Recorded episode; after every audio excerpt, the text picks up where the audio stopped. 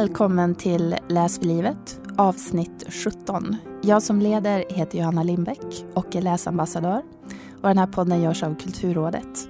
Och det här är en speciell podd för att det är min, mitt sista avsnitt. Nu är jag färdig som läsambassadör och det har kommit in en ny läsambassadör som sitter här.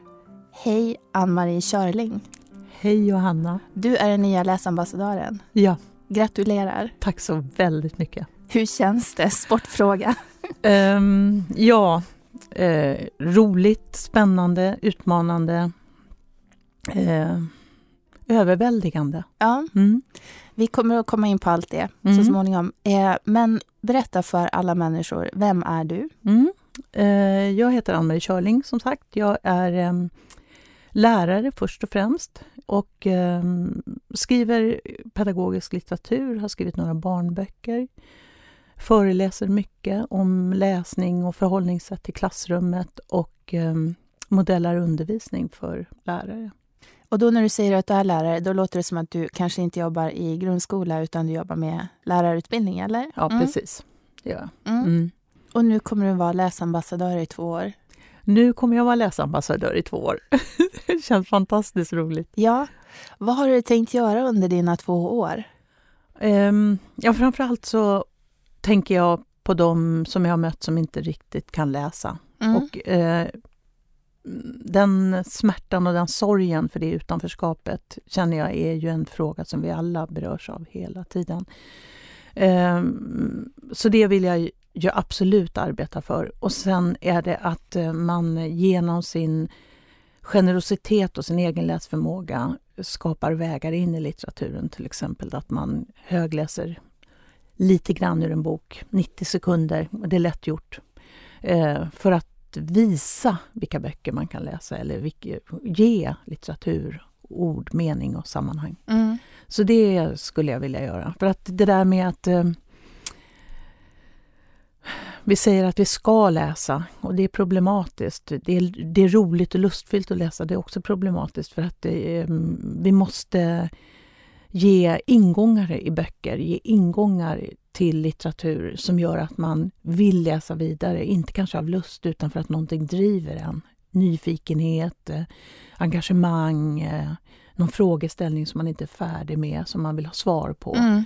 Och då tänker jag att eh, min erfarenhet när jag har mött eh, elever som inte läser, det är att jag ger dem kraftiga innehåll via någon kort litet stycke i en bok och den blir den vill de läsa sen. De vill veta svaret i alla fall. De läser ett, ett kapitel till och sen läser de ett kapitel till. För att, och då, har, då gör författaren arbetet, men jag har liksom lättat lite på. Mm. Hur tänkte du när du fick frågan om att bli läsambassadör? Ja, jag, jag, jag, ställde mig upp och satte mig ner och ställde mig upp och sa wow, det här, det här, det här vill jag verkligen. Det här vill jag verkligen. Ja. Eh, för att eh, mandatet att prata om det som ligger mig väldigt, väldigt nära. Det var ingen tvekan? Nej, det fanns ingen tvekan. Jag tror att vi har den där inre rösten som säger nej, vi har en inre jante och vi har en yttre drivkraft och vi drivs ju av den här läs... Att viljan att eh, prata om litteraturen, vad den kan göra för oss. Och, ja, det är en djupt demokratisk fråga mm. och det är ett stor, därför ett otroligt stort uppdrag tycker jag. Mm. Det är ett stort uppdrag. Mm. Är det någonting speciellt som du känner verkligen, det här skulle vara drömmen om jag fick göra det eller det eller träffa de personerna eller? Ja, jag skulle ju vilja se över miljön där vi färdas till exempel. Att eh, tunnelbanebussar, att vi har en vecka om året där, eller en vecka, men fler veckor, där man kliver in i en litteratur tunnelbanevagn eller tåg. Jaha, sådana jaha, saker. För att ja. jag, alltså man kommer in i en tunnelbana eller en buss eller ett tåg och, och oj, den här texten. Så börjar man tänka, det behöver inte vara så långt. Men Tänker det... du att det skulle sitta som på reklamtavlorna? Ja. Tänk om vi skulle kunna få... Man fick mm. drömma. Mm. Jag tänkte när du sa tunnelbanor, ibland är det ju att eh, eh bokförlag har mm. köpt reka re reklamkampanjer och som mm. klätt in en tunnelbanevagn Mm. på utsidan med. Mm. Och det tycker jag själv alltid är så fint. Mm. Då är det ingenting på insidan men bara utsidan kanske är så här framsidor eller författarnamn eller känns det som den vagnen vill jag åka i. Ja, och då Ja. tänker jag att jag, men, jag såg, jag satt på pendeltåget ute till Södertörns högskola och så var, var det en vagn som det var så där lite tyst i.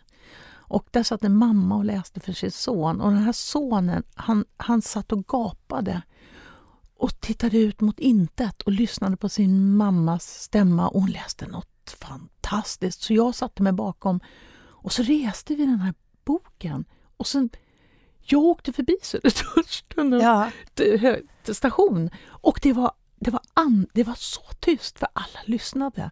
Och det tänker jag så här att ja, skapa sådana miljöer där vi får läsa, tänka och kanske får en text som vi kan läsa högt där på en Mm. vagn. Det är drömläge men man får drömma.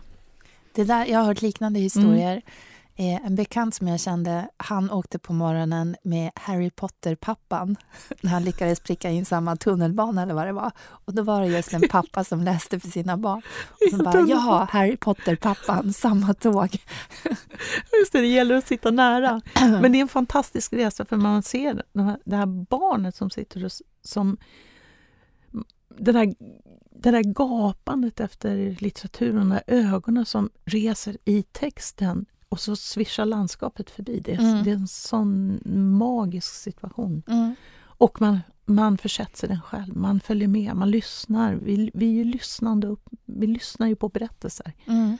Så jag skulle gärna åka efter Harry Pot- Potter. Harry Potter-pappan. Ja. Fint. Ja. Nu, det här är ju mitt eh, sista avsnitt som läsambassadör och som poddare. I alla fall i det här formatet. Och du ska ta över. Så är det. Varsågod. Tack så jättemycket. Ja, jag vill gärna intervjua dig, Johanna Lindbäck, rörande hur, hur har du sett på det här uppdraget generellt? Ehm, det har varit... Ibland när jag är ute och föreläser säger jag att det känns lite som miljön när man pratar om läsning. Alltså deppigt, svårt, är det kört, kan vi vända trenden? Väldigt svart.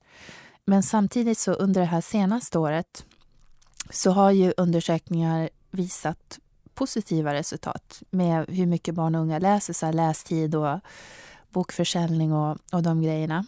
Så det har ju varit en, under mina två år har det varit verkligen en, tycker jag, massiv diskussion om läsning. Både som fritidsaktivitet och hur det ska funka i skolan och hur skolan är. Eh, och det här är ju en fråga där man har jättemycket medvind. Så även om man som enskild individ upplever att oh, herregud, det här är så svårt, vad ska vi göra? Så har man ju... När man säger att man jobbar med läsning är ju alla jättepositiva för alla...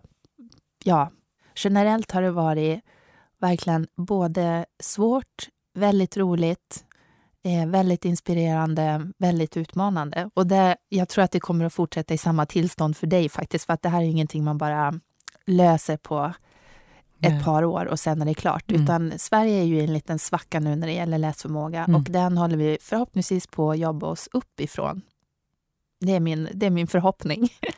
Och det tycker jag också att man kan se för att det är så stort engagemang och en- engagemang eh, föder ju hopp. Så Ja, det är ju ja. väldigt, väldigt viktigt. Kan du inte berätta om något specifikt som du har varit del av eller som du har... Ja, jag har fått se så här otroligt bra projekt som jag sen har kunnat berätta om i föreläsningar eller liksom poddar eller så här, tagit som exempel att det här arbetssättet har verkligen funkat. De gjorde så här och så här. Och då kan man ju lyfta enskilda exempel som och det här måste jag berätta om för att det var så fruktansvärt bra arbete och det gav verkligen effekt och det blev liksom precis det man hoppades på. Och kan du ge något exempel? Ja, ett som jag brukar berätta om var i Uppsala där de hade ett projekt som eh, eh, där biblioteket, stadsbiblioteket jobbade tillsammans med fritidsklubbar, alltså som fritidsgårdar eh, för mellanstadiebarn. Och det var till och med ett kulturrådssponsrat projekt. Men då var jag inbjuden som författare för att då hade de gjort så här att de ville främja läsning i vissa utvalda områden som hade behövde mer läsning helt enkelt. Eh, så inte akademikerområdena i Uppsala utan andra områden. Och då tänkte de att om vi bara gör som vanligt att vi typ sätter upp info på biblioteket, då kommer inte vi att hitta de här ungdomarna som vi vill hitta. Så istället så gick de ut till fritidsgårdarna. Eh, det var den personalen som raggade deltagare och fick ihop massa som skulle vara med. Och sen så var en stor eh, grej i det här var att barnen skulle få böckerna. Så det var inte bara det att de skulle få låna böcker, utan de fick böckerna. Så då köpte de in massa böcker och så hade de en träff. Då fick alla samma bok. Och sen tre veckor senare då hade de läst boken och så pratade de om den på fritidsgården och så fick de en ny bok och så tre veckor senare. Och så rullade det på. Så att de, jag tror att de kanske hade tio eller tolv träffar. Så barnen fick som ett litet bibliotek. Och sen att jag kom in i det hela, det var att då hade de läst eh, en av mina böcker som heter Lite ihop och då skulle det vara som säsongsavslutning. Så jag blev inbjuden på författarbesök. Vi var på Stadsbiblioteket. Alla barn kom dit, det kanske var 30 stycken. Det var popcorn och saft och godis och vi satt i en mysig sal, det var ljus och ja, det var så här jättetrevlig inramning. Och sen hade de då gjort eh, frågor till mig, eller kom på frågor i stunden. Så under en timme svarade jag väl på 80 frågor. eller något. Det var så fruktansvärt mycket. Det var bara så nonstop. Eh, och det tycker jag var så himla bra. Att det var det här att man vill nå ut med läsning. Man inser begränsningen. Hur kommer det att bli om vi gör det här på stadsbiblioteket? Just nu vill vi inte nå de ungdomarna utan vi vill försöka nå ungdomar som inte kommer till bibblan. Det var det jag tyckte var så himla fantastiskt med det här projektet. Och också att det blev så bra. Det är så viktigt att ha det där samtalet om. Ja. Om, om texten tillsammans med andra. Att man får uh, diskutera och få infallsvinklar. För boken och läsaren, man, det blir större. Mm. Och då att få möta författaren mm. också som kanske har sitt perspektiv och det, får ett nytt perspektiv genom ja. att läsa den. Ja. Mm. Och sen tyckte jag också det var fint att alla, eller alla, men att många barn hade värdesatt där att de fick böckerna. Mm. För det kanske man tänker idag lite så negativt, att det kanske inte är världens intressantaste grej för en som går i fyran att få böcker. Men det var fint att få böcker. Mm. Mm. Men det är fint att få böcker. Jo, men jag får, tycker ja. det. Men tycker det är jättefint. Det är så fint att få böcker.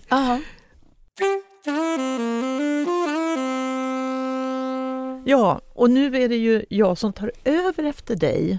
Eh, och eh, som eh, läsambassadör så vill jag ju naturligtvis ställa en fråga om vad skulle du välja för bok och rekommendera för bok? Äntligen efter 17 avsnitt har tips om en bok. tips om en bok! jo, men jag tänkte, jag håller på att läsa en bok nu och det är en amerikansk bok så den är inte översatt till svenska.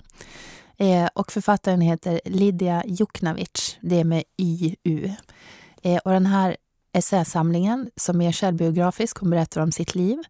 Den heter The Chronology of Water, alltså vattnets kronologi om man ska översätta titeln. Och hon Egentligen så, jag vet inte varför jag är så fast i den, men jag är så fast i den. Eh, för att hon har levt ett väldigt hårt liv. Hon var så här, sexuellt utnyttjad av sin pappa. Familjen var i terror. Pappan liksom dominerade allt på ett mycket, mycket negativt sätt. Eh, sen började hon i väldigt ung ålder supa, använda droger, sexuellt utlevande. Alltså det som bara misär, misär hela tiden.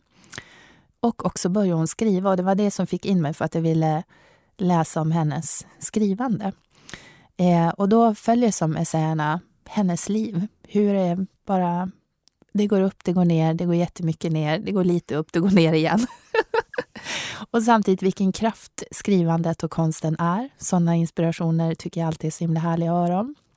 Och sen är det också det att hon är en simmare. Och jag gillar att läsa om simning. Det är därför den heter Chronology of Water. För hon var som barn, började hon simma och blev jätte, jättebra och fick stipendium till skolor och sen söp hon bort det. Så hon blev aldrig någon simmare för att hon bara söp. Men hon har ändå den här simmarkroppen och hon fortsätter simma och det är väldigt mycket metaforer med vatten och hur man känner sig i vatten och sådär. Och jag gillar att simma. Jag har aldrig varit en, jag är bara en vanlig motionssimmare. Men jag är helt fast i den här boken. Oh, det låter ju som en fantastisk läsupplevelse. Den är mm. väldigt bra. Mm. Mm. Så om man mm. vill läsa en bok på engelska eh, då kan man läsa Lydia Juknovic. Ja. Mm. Nu ska vi avsluta, Ann-Marie. Ja. Mm. Då är jag säger tack för mig och verkligen lycka till till dig. Och det ska bli spännande att se vad du hittar på under dina två år. Mm. Tack Johanna, och det ska bli roligt här.